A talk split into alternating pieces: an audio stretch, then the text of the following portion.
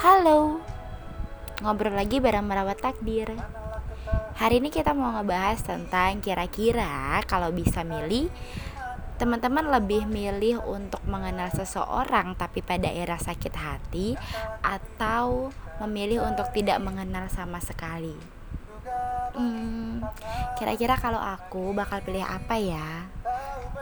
Jika bisa memilih tak bertemu pasti. Itu yang ku pilih. Nah itu kalau pilihan tulus. Kalau aku mungkin akan tetap memilih bertemu sih. Karena akan ada banyak hal yang buat kita bisa lebih matang setelah mengenal dia mungkin sakit ya. Tapi banyak pelajaran yang mungkin kita nggak bakal dapetin itu di pendidikan di akademis kita. Hmm, pembelajar tentang bagaimana kita mematangkan dan memaksimalkan kecerdasan emosional kita. Ya walaupun sakit hati kecewa nyesek tapi kita punya potensi untuk tidak mengulang itu di kejadian yang sama di waktu yang lain gitu ya.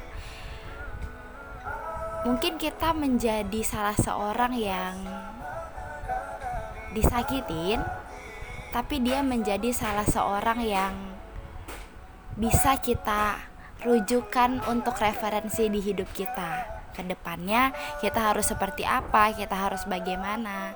Kita bisa melihat kilas balik ke belakang. Makanya di ke depannya nanti ketika kita mengulang hal yang sama, coba diingat lagi, dibongkar lagi memorinya dibongkar lagi logikanya yang dibongkar itu bukan hanya hati tapi logika juga perlu Kira-kira nih, ini punya kecenderungan yang sama nggak sih? Hmm, bukan disebut ras isu ya, tapi lebih ke kita punya coping, kita punya coping untuk menginjakkan kaki, menginjakkan langkah kita tuh harus seperti apa. Ya gitu sih, seperti kata Raisa. Raisa bilang, aku kira aku akan mengajarkannya banyak hal, tetapi aku salah dia mengajariku banyak hal. Terima kasih.